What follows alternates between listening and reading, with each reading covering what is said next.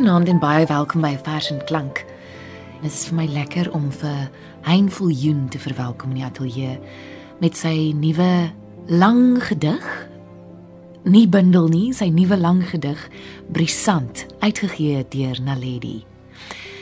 Hein Brisant is lank en dis 'n verhalende gedig en toe ek luister hoe Charles Pierre en Bernard Windel daaroor skryf, het ek onmiddellik gedink, nee, nou is ek uit my diepte uit want uh werke soos Germanicus van MP van Wyk Lou en Journal van Jorik van Opperman en ook Wasteland van T.S. Eliot kom by die by die gedagtes op. En toe ek dit begin lees, dis dit anders. Toe dink ek, o, maar ek ek verstaan dit. Ek kan identifiseer hiermee met die taalgebruik en alles van dit dis in 'n hedendaagse konteks verwoord. Wat het jou gemotiveer om 'n epiese vers aan te pak? Ja, goeienaand luisteraars. Ja, en uh, dankie vir die geleentheid Frida. Ehm um, ja, ek kan eintlik nie meer onthou wat uh, wat die oorspronklike motivering was nie, maar dit dit gaan maar daaroor dat mense partymal lus is om iets langers aan te pak. Nie net 'n sonnet of 'n kwatryn nie, maar 'n bietjie 'n uh, kans kry om die verhaal bietjie uit te spin.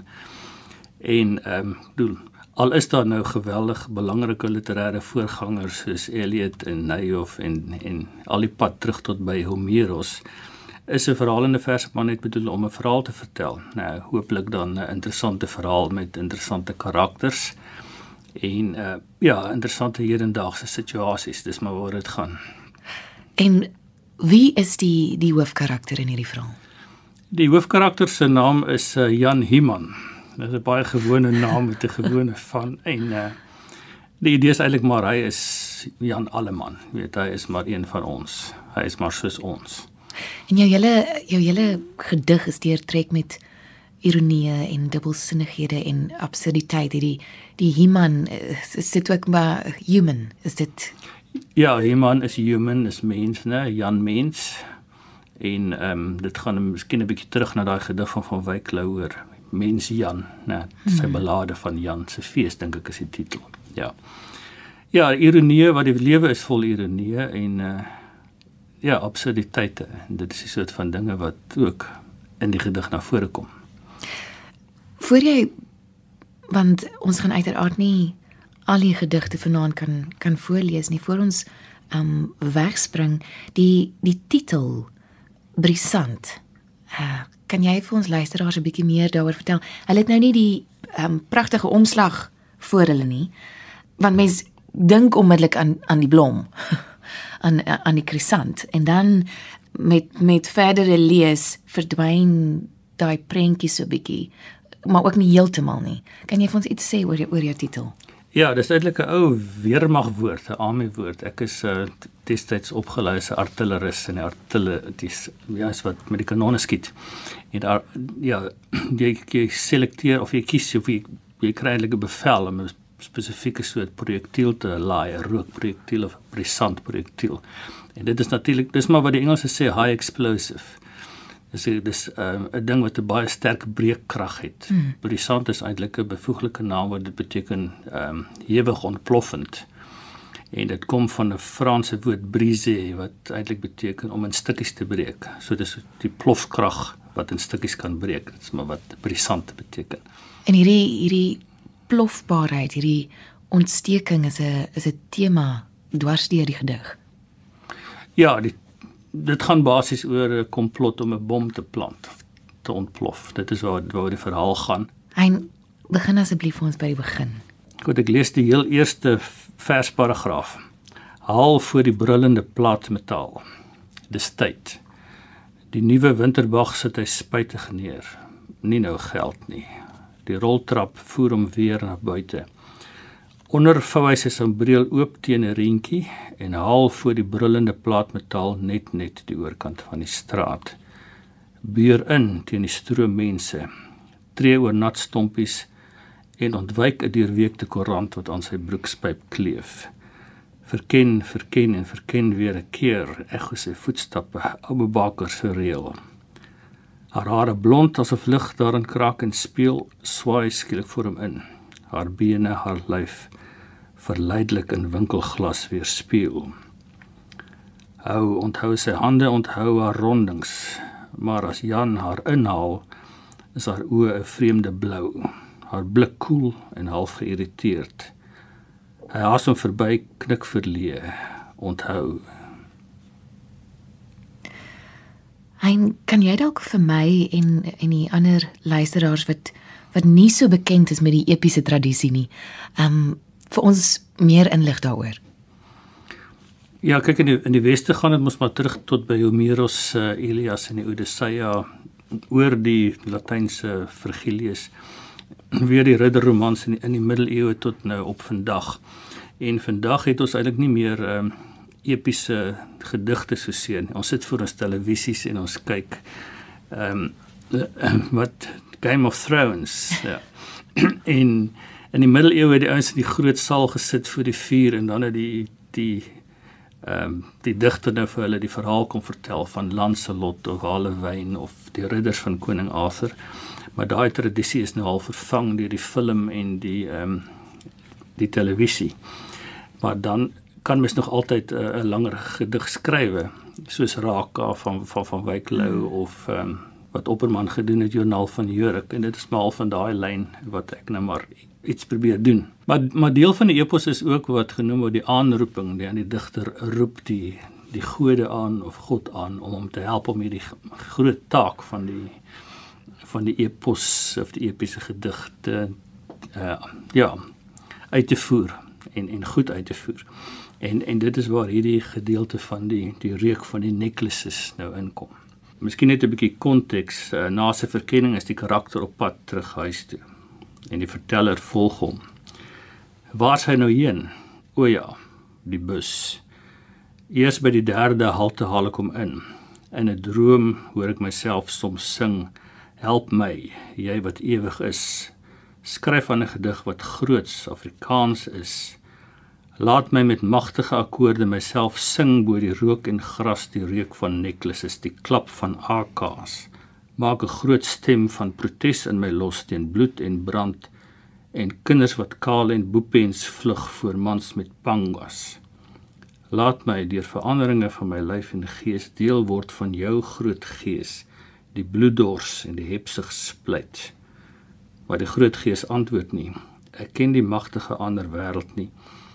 Ek loop tussen mense op straat, koop postousties en nugget by Pick n Pay. Pa kom eet, kom trek my boek oor, teken vir my 'n plaas. Het pa nie 'n nammie nie. Die wasmasjien begin te spin, die telefoon skril. Die TV bulder 'n kitscherige klingel soos van belade van 'n enkeling. Maar dalk kan ek agter 'n masker of wat. Al pas dit skeef of skuif dit af. Diself 'n delikate meisietjie. Tog iewers vir julle loerende blik verbloem.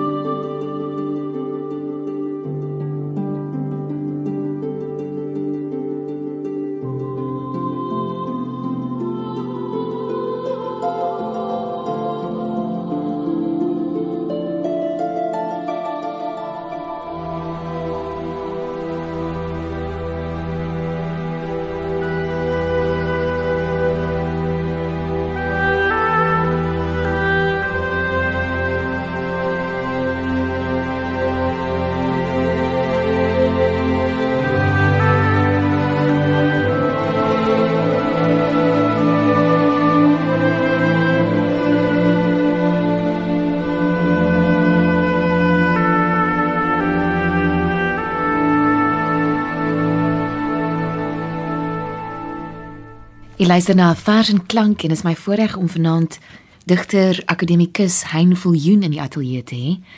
Wat kom gesels oor Brisant, sy nuwe epiese gedig in bundelvorm uitgegee deur Naledi. Hein, die hoofkarakter waaroor ons nou al bietjie gepraat het, Jan Himan, voer 'n uh, 'n klein en eintlik onmeervoerende sedelike bestaan um en is 'n universiteitsdosent. Die die grootsheid van van die karakter se bestaan lê in sy fantasie en um hy is ook betrokke in 'n 'n verleidingsspel met die ene Renate wat deel uitmaak eintlik sonder om die storie weg te gee van 'n komplot. Wil jy ons meer vertel van hierdie van hierdie komplot? Ja, Jan se teenspeler is 'n staatsveiligheidsamptenaar met die naam van Dirk Dirk Kutse. Ehm um, en hy het nou hierdie komplot uitgedink om sy eie posisie in die organisasie te verbeter waarby Jan dan die slagoffer sal wees, maar dit is maar een van die stuk of vier verhaaldrade van eintlik die agteruitgang van Jan, hierdie doodgewone ou in onder die omstandighede waarbinne hy lewe.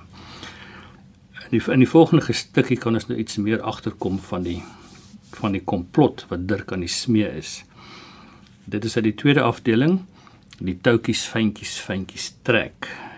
En die afdeling is note die nuwe garde weer nuwe moed. Kan ek net sê ek is mal vir jou titels.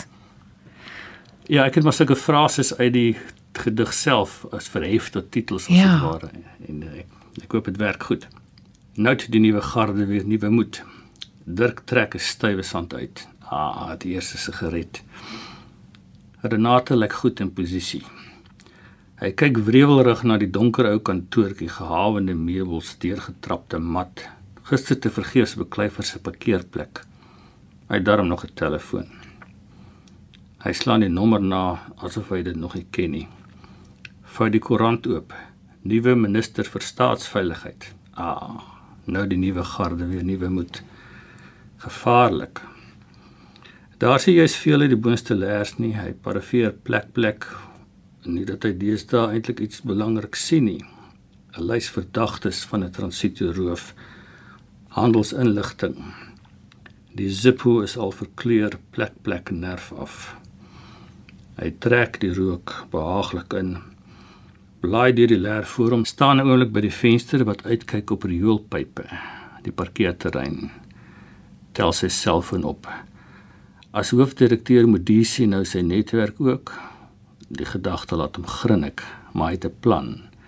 Hy sal die toutjies fyntjies fyntjies trek, die bom laat plant, Modise impliseer. Sy gat gaan hy sien. Anders hy weggestaan. Hoe lyk dit daar? Nee, alles loop reg, hy's dol oor my. Altyd reg, Toyota. Maar ek laat hom dophou, nog twee manne. Maar dis onnodig. Jy moet wakker wees, Renate. Hy sit neer voor sy nog kan groet.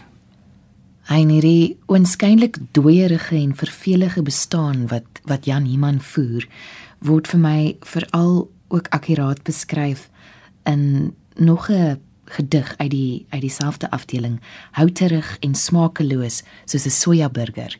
Sal jy dit vir ons lees asseblief? Dit was al baie laat toe hy tuis kom. Die verslag moes eenvoudig klaar.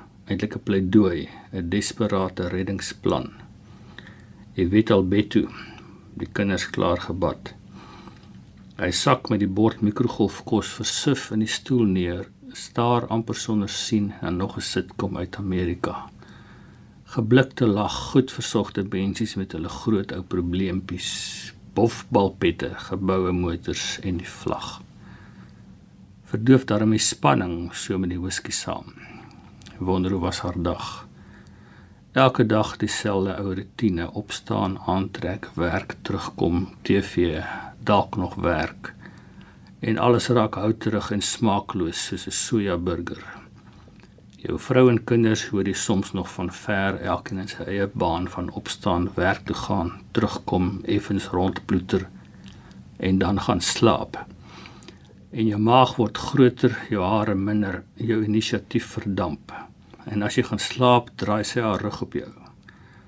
Opstaan en werk toe gaan in die klein kringloop van huis en werk en huis en TV en werk om en om. En saam met die rentekoerse styg die maandelikse huispaaiement. Kos word al duurder. Hy sal weer moet gaan vra vir die verhoging van sy limiet werk en eet en slaap om en om in 'n klein geslote kring. Snags kan hy nie meer slaap nie en elke oggend is donkerder as die vorige. Om op te staan swaarder. Sy lyf taai en moeg asof hy griep het. Sy voete sleep. Ons gaan nou oor na die volgende afdeling, Ein vier vir die hoerhuis van van Babylon. Jy het 'n baie interessante manier gekies om die om die narratiewe teks te laat gesels. Vertel ons meer daarvan voor jy vir ons splinters van dieselfde goddelike gedagte voorlees. Ja, die die hele verhaal is eintlik ingeprop in 2 dae. Die, die dag D-2 tot by D-dag waar nou die groot uh, gebeurtenis moet plaasvind. En so daar's baie terugflitsse en die die verhaal is eintlik in verskillende stukkies gekap en versprei oor die oor die hele teks. So dit so die leser dit is 'n bietjie uitdaging vir die leser om al daai goeters bymekaar te kry. Maar afgesien van die verhalende of die vertellende gedeeltes is daar dan nou gedeeltes waar die verteller 'n bietjie uh spekuleer oor hoe die verhaal vertel moet word, maar daar's ook liriese tussenspele waar die verteller of, of dalk is dit Jan dan is 'n bietjie ehm um, in verwondering raak oor verskillende goed. Uh, splinters van dieselfde goddelike gedagte is dan so 'n liriese tussenspel. sien ek in jou oë koelgrys soos die see net 'n beeld van myself. Die een of ander desperate soek tog na eie gemis, 'n afwesige stukkie van myself. Osiris, Osiris sal seker die verlore penis wees, verlore jeugkrag en skepingsdrif. Nee, alles behalwe liewe suster Isus. Ons is saam onder dieselfde ster gebore. Ons het saam geswerf op kosmiese winde. Oor sterbesaaide eone sonnelewens lank. Ons was een voor die eerste son of maan, splinters van dieselfde goddelike gedagte. Saam ontplof uit die oerknal uit dieselfde sterstof geformeer. Was dit maar waar Ons is eerder twee planete, elkeen nors aan sirkel in sy eie baan, net soms naderend aan mekaar. Nimmer bereikend tot die son eendag inplof. Nee, alles behalwe, alles behalwe liewe suster Isis. Ons stap hand aan hand oor 'n hoë plateau, die gras dou nat om ons skoene. Buig oor 'n suikerbossie hier en daar, drentel in die warm son af in die kloof die watertjie klater oor swart klippe. Tussen boomvarings bobbejaan hou en wit stink wat laat hang ons ons voete in 'n koue poel. Trek ek 'n nat vinger oor jou sagte lip. Nee, liewe suster Jesus, alles behalwe Jesus, Jesus.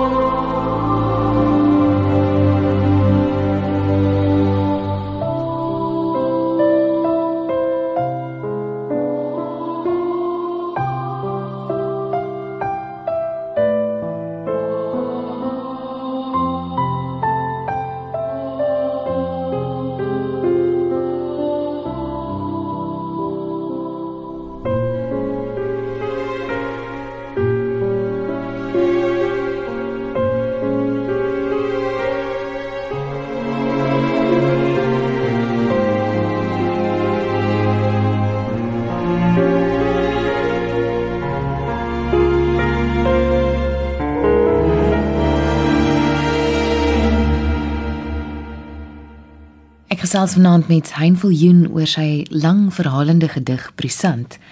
So in hierdie afdeling Hein wat jy noem oorwinningsfees, het ons te maak met die met die hoogtepunt van van Jan se verhouding, se verleiding deur Renate en dan ook die onmiddellike ontnigtering wat daarna volg. Ek hou van hierdie gedig se titel Tree of Life, vreemde fliek, soelkrag. En moet ons die luisteraars ook ook waarsku of uitnooi party dat daar ook 'n paar heigtonele in in Jan Iman se se fantasiewêreld opgesluit lê wat jy uitbeeld. Sal jy vir ons die laaste stukkie van Tree of Life voorlees?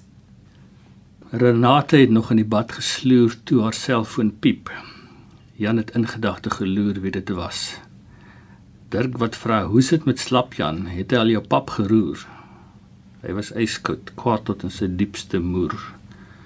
Maar toe sy uit die badkamer kom, hare kroeserig klam en sy uit die wit handdoek draai, warm en geurig in sy arms in, het hy in 'n roes haar borste en heupe teen hom vasgeskroef, haar vurige soen, sy tong roei in haar een mondhoek.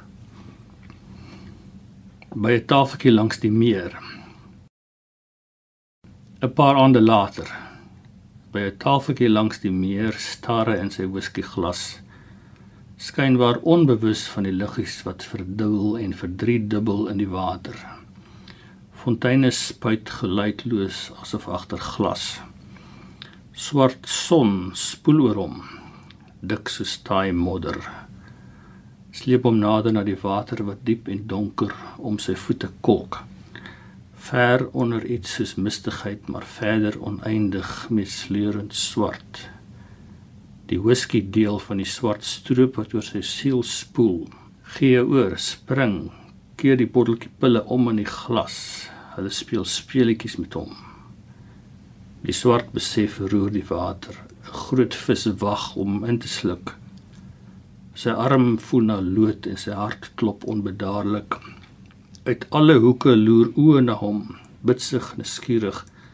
Hy voel hulle soos messe in sy rug. Sy nekhare rys. Die meisie vra of hy nog iets wil drink. Deur swart modder beduie hy na die glas knik stadig asof sy kop skielik 10 kg swaarder is en sien weer die liggies oorkant in die water wieg. Musiek dryf aan oor die meer paar sterre die maan halfvol dryf van die takke los. Dit gaan weer oor sodat hy dankbaar haar oog vang as hy die glas voor hom neersit. Haar reuk soos lentebloeisels in sy neus. Hy sien weer die reën so deur die sonlig sif vars reuk van die stof wat uitsak. Die valgeboue dalk effens skoner was, bome se blare afspoel. Die goeie reuk van uitlaatgas en doodgekookte kool afspoel in die geete. Vrolik klater in die stormwaterpype. En dit is asof die taai melasse in sy siel ook effens lig.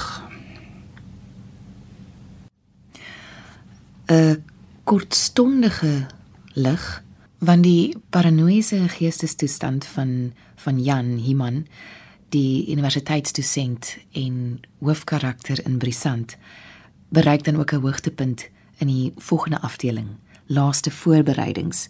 Sal jy vir ons 'n 'n gedig uit hierdie afdeling voorlees asseblief, Hein? Die wind fluit tartend om die toringblok. Laatnag as Jan oor die kampus dwaal, gluur die toringblok hom met honderde oë aan. Blink van 'n straatlamp of 'n flentertjie maan.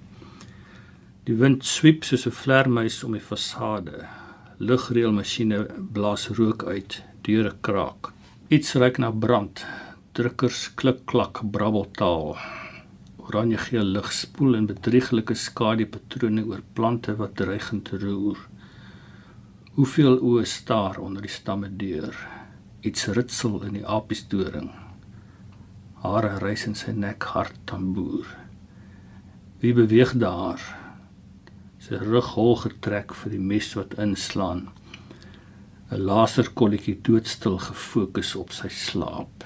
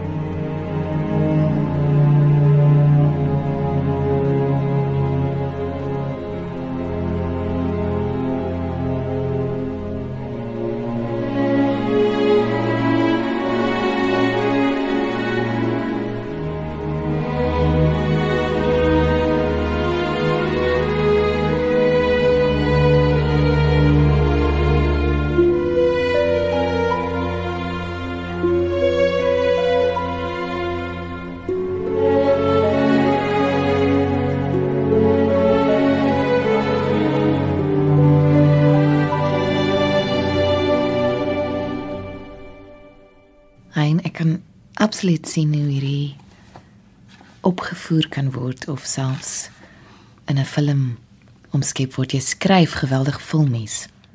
Die verhaal het eintlik twee ehm um, hoogtepunte wat ek nou nie sal verraai nie. Ek laat dit maar ook oor vir die leser om te ontdek. En die die laaste afdeling wat dan die titel het ehm um, afrekening vind plaas voor die voor die finale hoogtepunt en is dan ook te gelyk die die slotafdeling van die van die gedig. Met ons die luisteraars waarsku oor kritaal. Filmiese taal. Ja, wel hier en daar is daar nogal kritaal. So hulle moet maar hulle ore toedruk. Goed, ek begin die die met die laaste afdeling. Konsternasie. Bravo 1 Sipjak het ons ontglip. Hou sy huis dop. Sien die opspoorder nog? Ja, Bravo 1 nog sterk. Die Camry is nog op kampus. O fok, fok op, kry hom. Kry hom voor die bomme ontplof. Die heilige halle van die letterkunde. Die trappe slinger hoër en hoër, die stilte gewyd. Neem hom op. Hy gaan in in die heilige halle van die letterkunde, die wrogings van dooie wit mans gepreserveer in verganklike papier en permanente ink sou 'n mens die gedagtes van die lesers rondom kon sien kolk, 'n fyn wit waas van emosies en bespiegelings, opwindings en walg. 'n Ondeurdringbare geknetter van sinapse, gehamer van gedagtes, stemme wat sy kop in vortekse wegvoer, my naakte siel, die swart dier. Er kom te my in den sin. Jy hand is byna jy hond ruimte van het volledig leven. Mi langt na die dat die pine van hoge minne hemel en aarde vielen in het water. Met sy brein en ligte laai strompel Jan sy lyf swaar, sy siel se swart modder bo 'n groot donker gat aan die kolk, een vlak af en val uitgeput neer teen die waterfontein. Hier verbeel hy hom net die marsjerende orde van wiskunde simbole oor die papier, x en y en cos en sigma in netjiese rye. Elke ingewikkelde som keurig herlei tot 'n antwoord, netjies opgelos. Die vlamme in sy brein bedaar. Hy kan dorstig drink by die fontein, die harwar in sy kop oorkom. Die twee panne van die skaal in ewewig skommel diep asemhaal redelik normaal afdaal na die grondvlak en sonder om te struikel uitstap in die helder son. Hein Bernard Wendell het ook raak opgemerk dat brisant in bepaalde opsigte die die uitbeelding van die eksistensiële opstand van die klein man Echo wat in Afrikaans also meer voerend vertolk is in byvoorbeeld Chris Barnard se hoorspel Die rebellie van Lefras verwy. Hy word as 'n sagsinnige akademikus of soos ons nou al in een van die gedigte gehoor het, 'n slapjan um uitgebeeld. Het jy Chris Barnard se se radiodrama in jou agterkop gehad by die skryf van van Brisant of het ander literêre voorbeelde dalk 'n belangrike rol gespeel? Uh, dit was nie so seer Lefras verwy nie, maar wel Awater van my of dink ek wat 'n belangrike interteks is vir hierdie gedig van my. En ek dink ook die uh, die eksistensiële angs is vandag anders dan dit is 'n soort uh transformasie angs of 'n ondergangsangs en nie soseer 'n eksistensiële angs nie. En, en daarop sig dink ek ja, die angs wat ons vandag beleef is heeltemal anders as die destydse angs van die 60er jare. Ons nader nou die die einde van die verhalende gedig en jy gebruik um allerlei soos wat Bernard dit ook baie poeties beskryf het, literêre tegnieke uh om te sorg dat 'n mens geen reglynige aanbod van die intrige kry nie, wat eintlik 'n soort terreur van die digtelike woord is wat uitgebeeld word of hoe hy. Ja, ek kan saamstem met Bernard, het dit uh, goed raak gevat. Want dit gaan eintlik maar oor dat die die digter en die akademikus het op die eind niks anders as woorde nie en dat hy met woorde dan as dit ware die die wêreld moet probeer verander, die wêreld opstuur of die of die wêreld um, probeer te laat rym. En ehm um, spel die die slottoneel wat jy noem ryk swart grond die wêreld niet ietsie vanuit Ja, die slottoneel is daar eintlik maar die sluitingsstuk in die of die sluitstuk in die in die hele tema van die vuur, die vuur wat ontploffing en bommens gaan daarmee te doen het. Maar ehm um, ja, ek sin speel 'n bietjie ironies op Elliot hier so ook. Hmm, nog 'n spelling. Sal jy die slotfragment vir ons voorlees? Ryk swart grond, die wêreld nuut. Reën helder druppels rooi in poele modder gaan lê. Modder peel onder die trekker se wiele uit, sulke dik wigte of sagte papery. Trekker wat tot by sy asse wegsak in die land in rietspruit se ryk swart grond. Die wêreld nuut en skoon. Modder klodder onder aan die kar. Modder ry met grond met klei gevorm op die wiel, gebak teen duisende grade hard en blink, patrone in die vuur ingesmelt. Die vuur self in die klei ingesmelt. Die vuur se merke, skrif. Wat sê die vuur? Wat 'n donder Elliot. Shanti. Die vuur praat anders. Kristalle saamgesmelt, vloeiende spore, vloeisels ingebak wat vloei gestol in kristalline keramiek. Het die vuur 'n stem? In sy vel geknetter en geknal, vonke gespat, tonge wat lek en spring, die taal van vuur, 'n totaal ander taal. Materie omgesit in plasma, voortdurend veranderende vorm, vervormende. Wat sou die vuur sê? Praat van natuur en transmuteer. Alles blootstel aan suurstoftransformasie en radikale verandering na die wortel toe tot in die wortel verbrand verkoel lewe omgesit in koolstof swart inert doods. Tonge is van vuur en 'n totaal ander taal. Die vuur se dodelike taal. Die vuur die praat 'n taal van lig en warmte. Die vuur die praat 'n taal van swart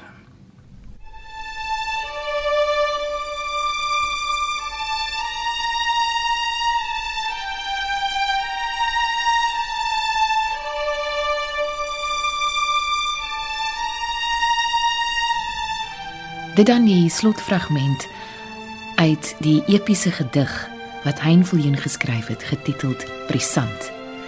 As jy nou nie kop of stert kan uitmaak van hierdie verhaal nie, het Hein jou presies waar hy jou wil hê en um, moet jy jou dalk haas na die naaste boekwinkel om 'n kopie van Brisant onlangs uitgegee deur Naledi in die hande te kry. Hein baie dankie dat jy saam met ons in die ateljee was, al die pad van Potchefstroom. En ons wens jou alle voorspoed en sukses met hierdie boek toe en ons hoop ons kan dit ook een of ander tyd sien voor ons oë afspeel. Baie dankie Frida en ek wens die lesers veel leesplesier toe. Van my en ons musiekregisseur Herman Stein 'n wonderlike aand vir verder. Totsiens.